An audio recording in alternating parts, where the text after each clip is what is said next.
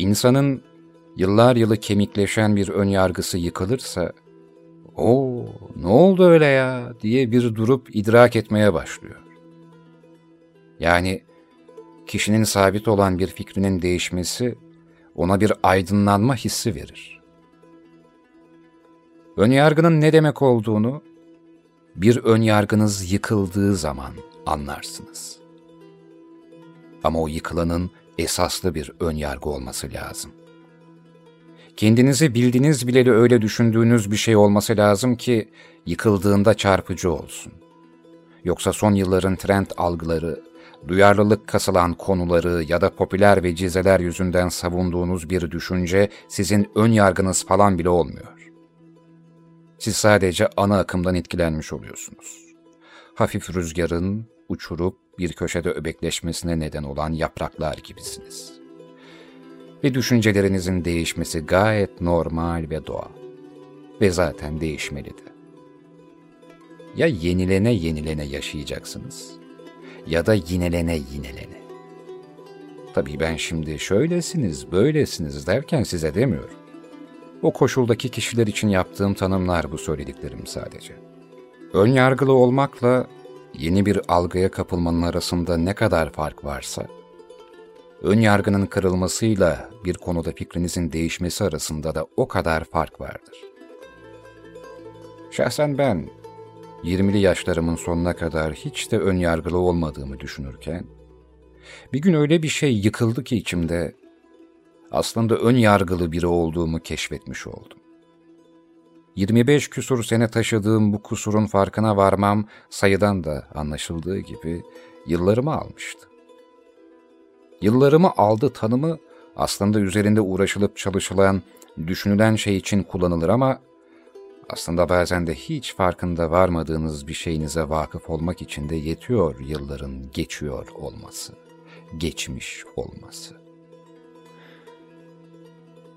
Bazı insanlar için gayet katı düşündüğüm bir şey, o bazı insanların bir tanesi sayesinde değişivermişti. Ama bu değişim ancak kırılarak, yarılarak, yıkılarak olabilecek bir düşünceydi. Yıkılan eski katı düşüncemin içinden yeni ve esnek bir düşünce oluşuvermişti. Yani ön yargılı olduğumun farkına, ön yargımın kırıldığı gün varmıştım. Ve zannetmeyin ki bunu keşfedince, vay be ne kadar da ön yargılı bir insanmışım ben, artık hiç öyle düşünmeyeceğim dediğinizde bir daha ön yargılı olmuyorsunuz. Gayet de oluyorsunuz. Hiç kolay değildir. Hiç değildir. Öyle karar vererek ön yargısız olunmuyor ki. Elbette artık eskisi kadar ön yargılı değildim. En azından ilgili konu hakkında değildim. Ama daha yıkılması gereken çok yargım vardı. Sonra düşündüm ki, ön yargı demek ne kadar yetersiz. O yargılar ki önümüzde, ardımızda, sağımızda, solumuzda, hatta başımızın üstünde, ayağımızın altında, sağım solum sobe, saklanmaya ne be. Ama bu oyunu çok iyi oynar ön yargılar. Çok iyi gizlenir ve hızlı koşarlar. Sağım solum sobe, saklanmaya ne be. Siz biraz beşerden uzaklaşıp derinlere dalsanız, bir anlık dalgınlığınızdan faydalanıp gelip sobelerler. Yani siz hep ebesinizdir. Yargılarsa usta oyuncular, deneyimli saklanıcılar, fırsatçı kerkenezlerdir.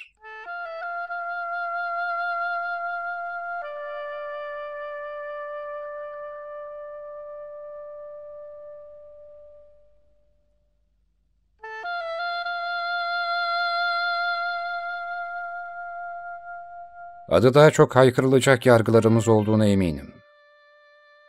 Ben de ebe olduğum sürece bazı kavramlar ve alıştırılan düşüncelerimden bir anda kurtulmadım. Onların beni nasıl sobelediğini iyi izledim. Bazen kaleden bilhassa uzaklaşıp pusuya yattım. Gelsinler, sobelesinler de nereye saklanıyorlar, nasıl koşuyorlar iyice bir izleyeyim. Öyle öyle anlıyor insan değişilmesi gerektiğini anlıyor. Daha doğrusu değişmesi gereken şeylerin de olduğunu. Çünkü bazı şeylerin de değişmemesi gerekiyor. Ön yargıya benzer bir prensip, bir ilke de olabilir bu. Hemen şu soru takılıyor aklıma. İlke ile ön yargıyı birbirinden ayıran şey nedir acaba? Ön yargı da olsa, sadece bir fikir, bir düşünce de olsa, aralarındaki ağırlık farkı ne olursa olsun, insanın inandığı şeyler değişebilir. İlla değişmek istemeye lüzum yok. Değişime açık bazı kapılarımızın olması yeterli bence. Konu güzel sevmekten buraya kadar geldi. Umarım ben güzel sevmek tanımı hakkında atıp tutarken ön yargılı davranmamışımdır. Umarım güzel sevmek benim zannettiğimden daha anlamlı bir şeydir. Umarım sizin kaidenizdeki çamurlar bir biçime kavuşur. Umarım heykelinize form verirken ellerinizin kirlenmesinden yakınmazsınız. Çünkü üstünüz başınız batmadan, sabah kalktığınızda geceden bıraktığınız çamur öbeğinin bir biçime kavuşacağı yok. O en fazla bilindik masallarda olur. Sizin masalınızsa bilinmedik. Bilinmesin. Çamuru sevenlere aşk olsun. haberin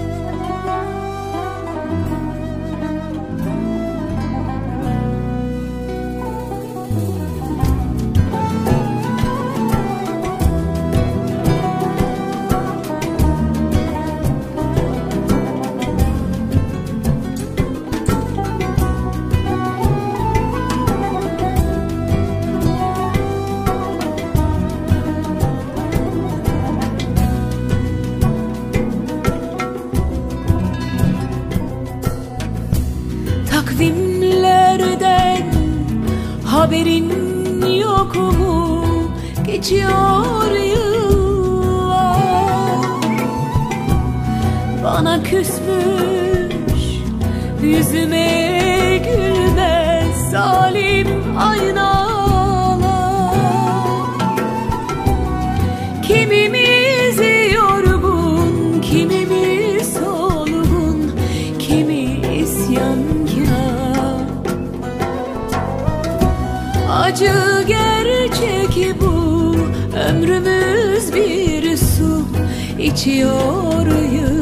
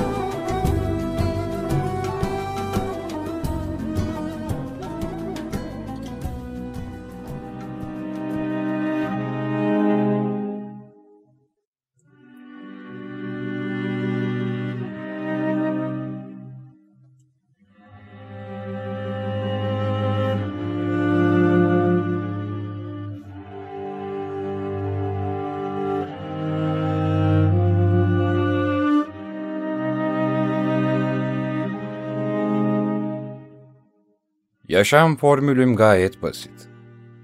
Sabah oldu mu kalkıp, gece oldu mu yatağa giriyorum. Arada da kendimi en güzel şekilde meşgul etmeye bakıyorum. Ama artık çoğunluğun söyledikleri ya da kitaplarda yazanlar bana yetmiyor. Her şeyi kendi başına düşünmem ve anlamam lazım. Benim biri ailem, diğeri yabancılar için iki ölçüm yoktur. Bir şey vardır ki feda edilemez. İnsanın beni, iç varlığı, zengin veya fakir, bütün irademe sahibim. Bu yeter.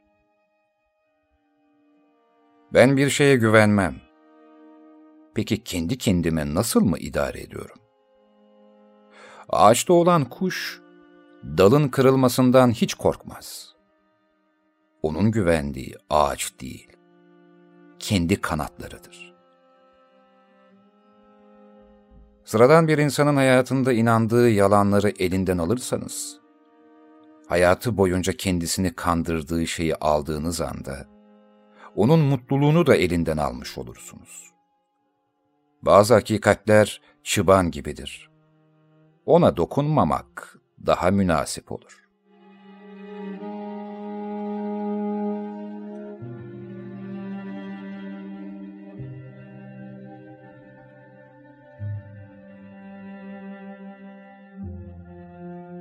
Başkaları için kanun az veya çok değildir. Ya hep ya hiçtir. Fakat fedakarlık sırası kendi nefsine gelince insan hemen cesaretini kaybediveriyor.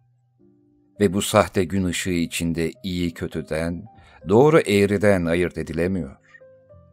Nereye baksam sonsuz günahlar. Binlerce kader çözülmez düğümlerle birbirine dolaşıyor. Kötülüğün ve onun neticelerinin kargaşalığı içinde lekeler yayılıyor. Yakından yakına bulaşıyor. Öyle ki artık doğru en kanlı haksızlıktan ayırt edilemiyor. Sanki bunların hepsi bir bütünmüş gibi. Bilmem Sizin geldiğiniz yerde de böyle mi? Ama burada ahlaken yozlaşmış insanları bulup onları gözlem altında tutabilecekleri iyi maaşlı işlere koyanlar var. Doğru düzgün, güvenilir insanlar da açıkta kalmakla yetinmek zorunda kalıyorlar. Ah, ben hepinizi iyi tanırım. Korkak uyuşuk ruhlar. Bütün yakarışlarınızda iradenin kanat çırpması eksik. Niyaz seslerini gökyüzüne yükselten heyecan eksik. Bunlar günlük ekmeğinizi isteyeceğiniz zaman hatrınıza gelir. Çoğunluk her zaman haksızdır. Azınlıksa nadiren haklı. Yanılmış olamam. En kötüsü de bu işte.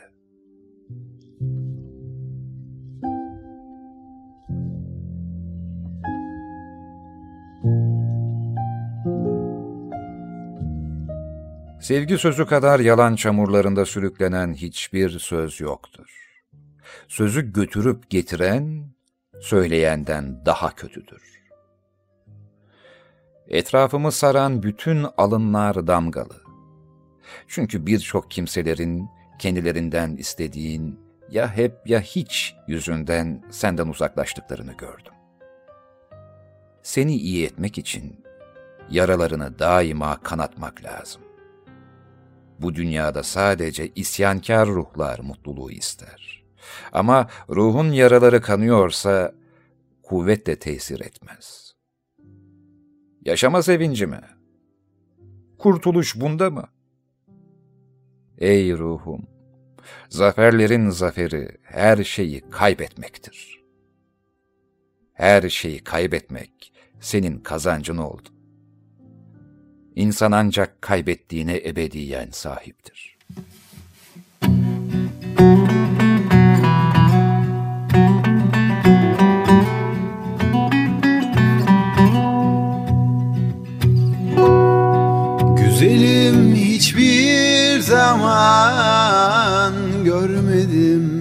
Seni gibi Özledim seni. Özledim seni. Gözlerinde bir yol var ah Geçsem mi çağırır beni? Özlerim seni Özlerim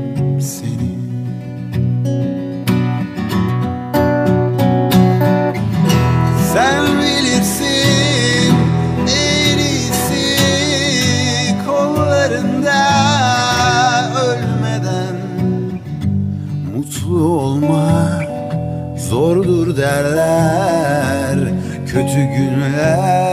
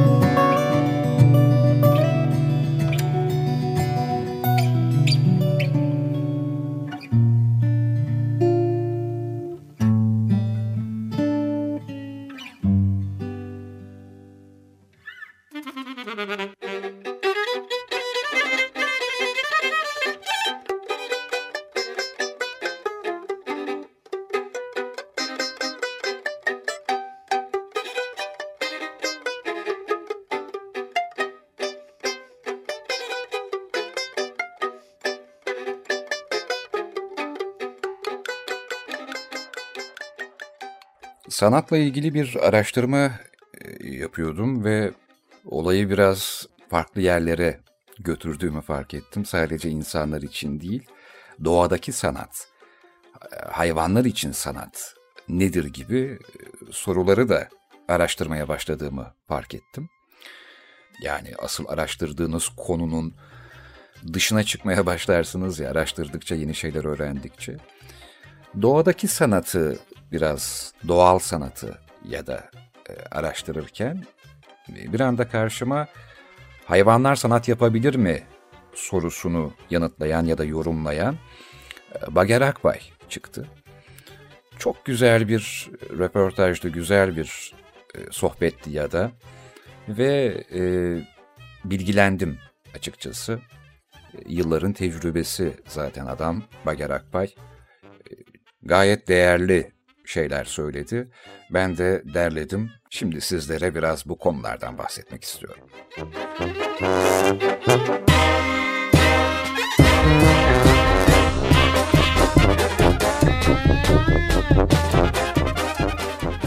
Hayvanların bize benzeyen gelişmiş özellikleri var. Hayvanlarda bile kölelik vardır biliyor muydunuz? Mesela karıncalarda kölelik var. Başka karıncaların yuvalarını basıp onların yumurtalarını kaçırıp, yemeyip, doğmalarına izin verip işçi karınca olarak çalıştırıyorlar. Hayvanlar da manipülasyon, hile yapabiliyorlar. Bazı kuşlar var mesela kendi yumurtasını başka bir kuş türünün yuvasına koyuyor. Kendi kuş yumurtası orada doğunca diğer yumurtaları yiyip büyüyerek yuvayı ele geçirerek doğuyor. Mağlup olup rakibi tarafından yeneceğine emin olduğu zaman çürüme kokusu veren hayvanlar var. Gerçekten komaya giriyor. Çürüme kokusu veriyor. Böylece rakibi onu yemek istemiyor, iğreniyor. İki gün sonra komadan çıkıp harekete geçiyor. Bunlar öğrenilmiş mi yoksa genetik mi? Ama lafı getireceğim şey, hani hayvanlar düşünemezdi ve hani öleceğini bilen tek canlı insandı? Bırakın düşünmeyi, empati bile yapabiliyorlar bence. Bir ağaç türü var mesela. Yapraklarına zararlı böcekler gelmesin diye o böceklerin korkacağı başka bir tür böceğin desenlerini oluşturuyor yapraklarında.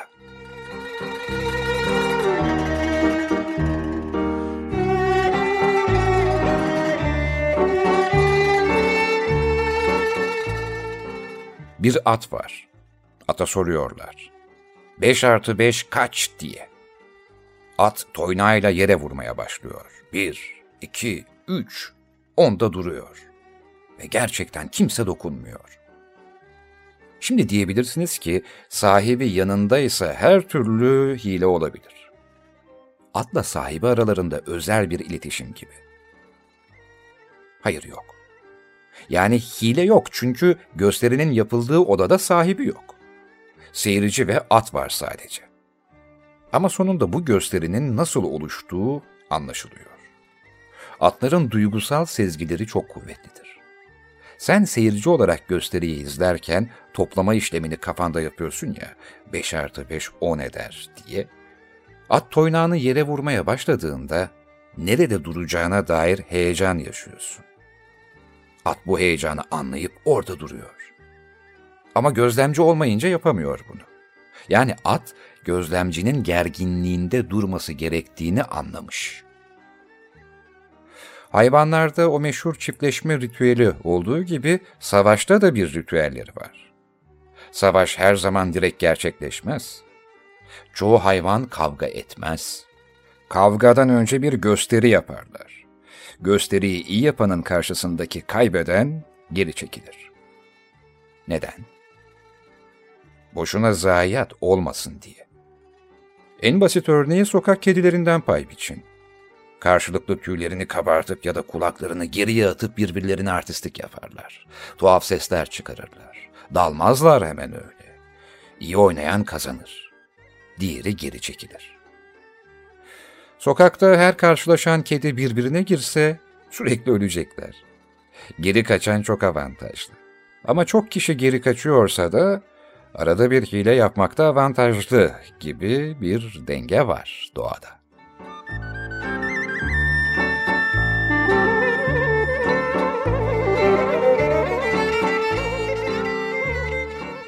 Hayvanlardan insanlara geçelim. Neden teni daha pürüzsüz, yüzü daha simetrik kişiler genelde daha çok beğenilir? Hı? Sıradan oldukları için mi? Peki neden sıradan olan daha çok beğenilir? Çünkü rahatsız etmiyor. Hatasız olduğu için. Çocuğu da hatasız olacağı için. Evrimsel biyoloji bunu böyle açıklıyor. Çiftleşmek için dans gösterisi yapan kuşlar var mesela bilirsiniz. O ritüeller güzele dönüyor. O dans gösterisi, çıkardığı sesler, muhteşem müzik, muhteşem yuva yapma gösterileri, bunların hepsi bize hayvanın hayvan için ürettiği sanata dair ipuçları veriyor. Burada direkt olmayan dolaylı bir anlatım var. Kendi gerçekliğinle başkasının hatalı gerçekliğini ayırt edebilme yeteneğine sahip misin acaba?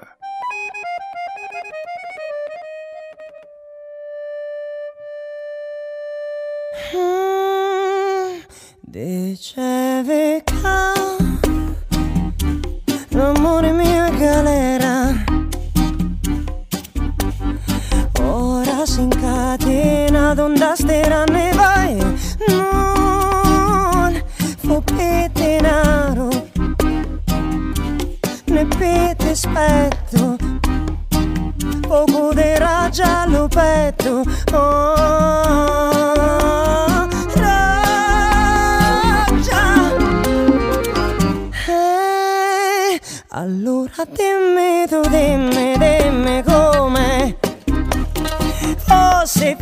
fossi picchi Ave la vestiscita Caccia bamba maledetta ah, Allora dimmi tu, dimmi, dimmi come Fossi, fossi picchi Dormini vendo furia e giare cosce ma marea Annemin plakları.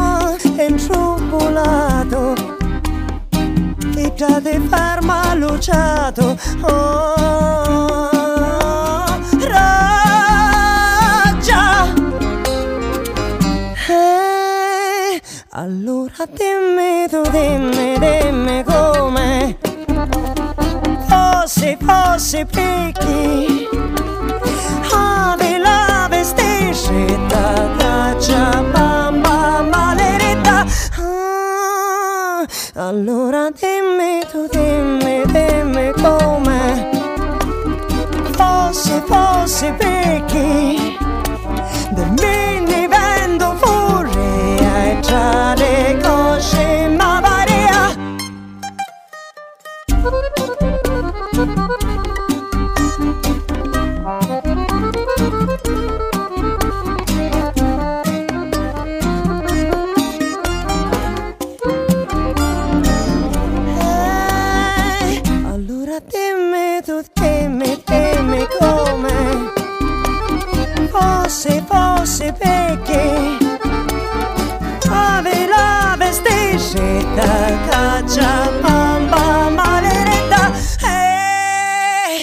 allora dimmi tu, dimmi, dimmi come. Fosse, fosse perché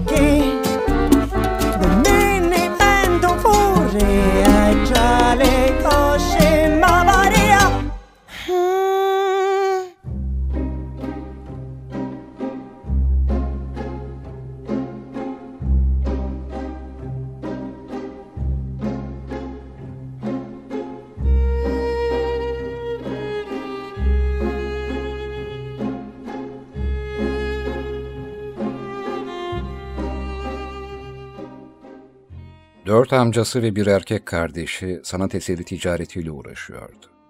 Ama o hayatı boyunca sadece bir tablo satmayı başardı. Beğendiğinden ya da acıdığından ötürü bir arkadaşının kız kardeşi. Arles'te yapılmış Kırmızı Üzüm Bağı. 4 Kasım 1888 adlı yağlı boya tabloyu 400 frank ödeyerek satın aldı. Bir asırdan fazla bir süre sonra resimleri yaşarken hiç okumadığı gazetelerin finans sayfalarında haber oluyor.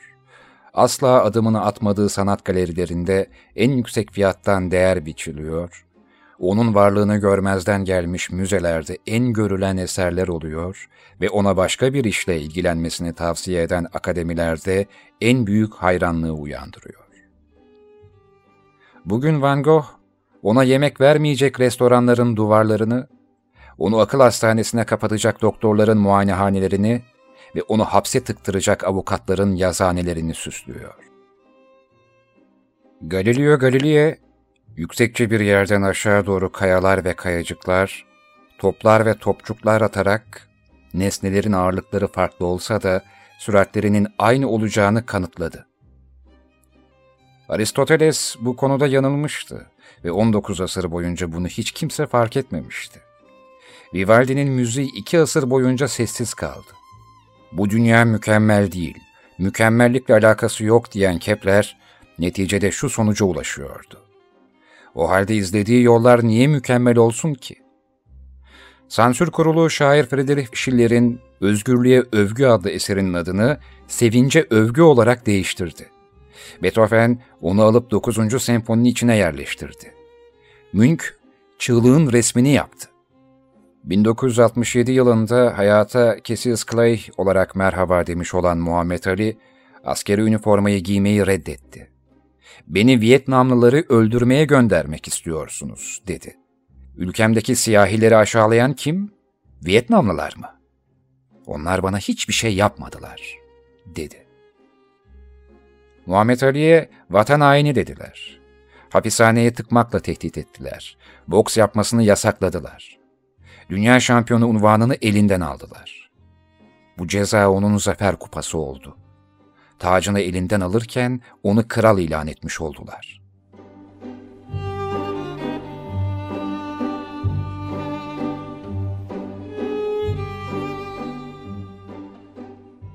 Platonov bir kitabında şöyle diyordu. Acı ve çetin tutkuya kapılmışsa ruh, Tanrı onu sevdiğindendir. İnsan hayatını okumak ve bunun üzerine tefekkür etmek, bir yol haritası çizmek bir meleke. Asırlardır süregelen bir zamanın ötekisi olma. Kıymeti bilinememe hali. İlahi bir bakış açısıyla değerlendirilirse belki böyle açıklanabilir. Bunca sanatçının ve hatta insanın kendi devrinde uçsuz bucaksız bir ıssızlığa mahkum edilmesi, insanlığın kurmuş olduğu dünya düzeniyle de ilgili muhakkak. Bir hakikat ehli şöyle demiş. Kanaatimce bu yolda kimse gidemez. Yol, acılar ve çilelerle kendi gelir. Hakikat bazen sert ve acımasızca davranır. Bunun sebebi her halükarda haklı olmasıdır. Böyle durumlarda insan tüm iddialarını terk etmeli ve sabır göstermelidir esasında. Hakikati hakikat yapan şey, bir nevi Vincent'ı Van Gogh yapan şey, bir şekilde kendini gösterdi mi, orada kendiyle birlikte hiçbir şeyi bırakmamasıdır. İnsanı değiştirmeyen bilgi, hakiki bilgi değildir. Her ne kadar hakikat kelimesi hep bilgi ve bilme kelimeleriyle anılsa da, o bilme durumu değil, yaşama ve tatma halidir. Galeano'nun da söylediği gibi, insan insanın kurdudur diyorlar ama, hiçbir kurt asla başka bir kurdu öldürmüyor. Onlar kendilerini bizim yaptığımız gibi birbirlerini karşılıklı olarak yok etmeye adamamışlar. Kurtların kötü bir ünü var ama, dünyayı devasa bir tımarhaneye ve çok kalabalık bir mezarlığa dönüştürenler onlar değil. Kimseyle alay etme. Asla kimseyi gülünç duruma düşürme. Kalbinin en ücra köşesinde bile yapma bunu. İnsan yaşamı alaya alınmayacak kadar hüzünlü ve ciddidir, diyen Pessoa da hakikati fark etmiş olacak ki, insan yaşamının çarpıcılığına dair böyle bir iddia beyan etmiş. Yine de yaşadığımız evrende her şeyin belli bir ömre sahip olduğu ve akıp giden zaman içerisinde geçen anın var olan her maddeyi kendi sonuna bir adım daha yaklaştırdığı düşünüldüğünde, insanın kendi ürettiği sanat eseri yahut şey, kendi devrinde kıymet görmese dahi, evrende zamanın ufacık bir anını dondurarak ölümsüzlüğe gönderme yapmanın naif bir yolu olarak görülebilir.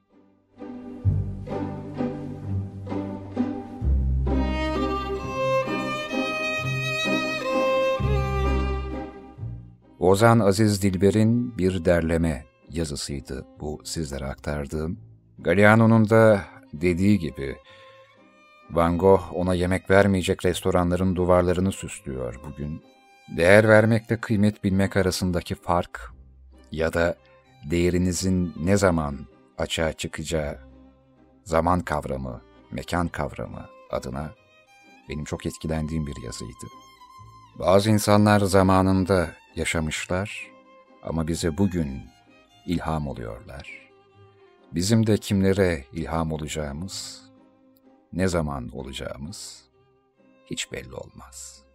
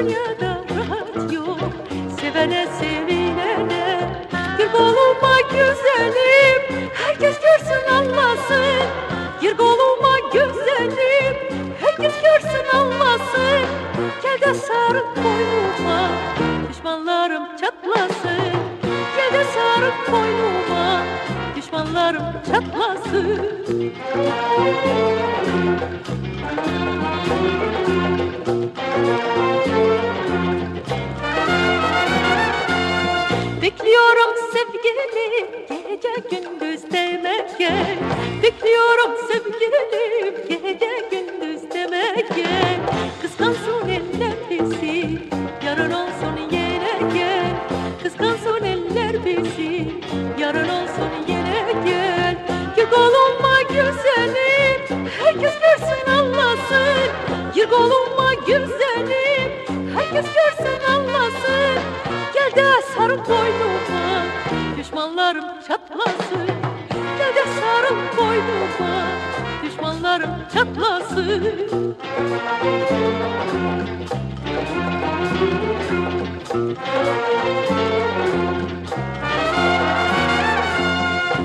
Annemin plakları.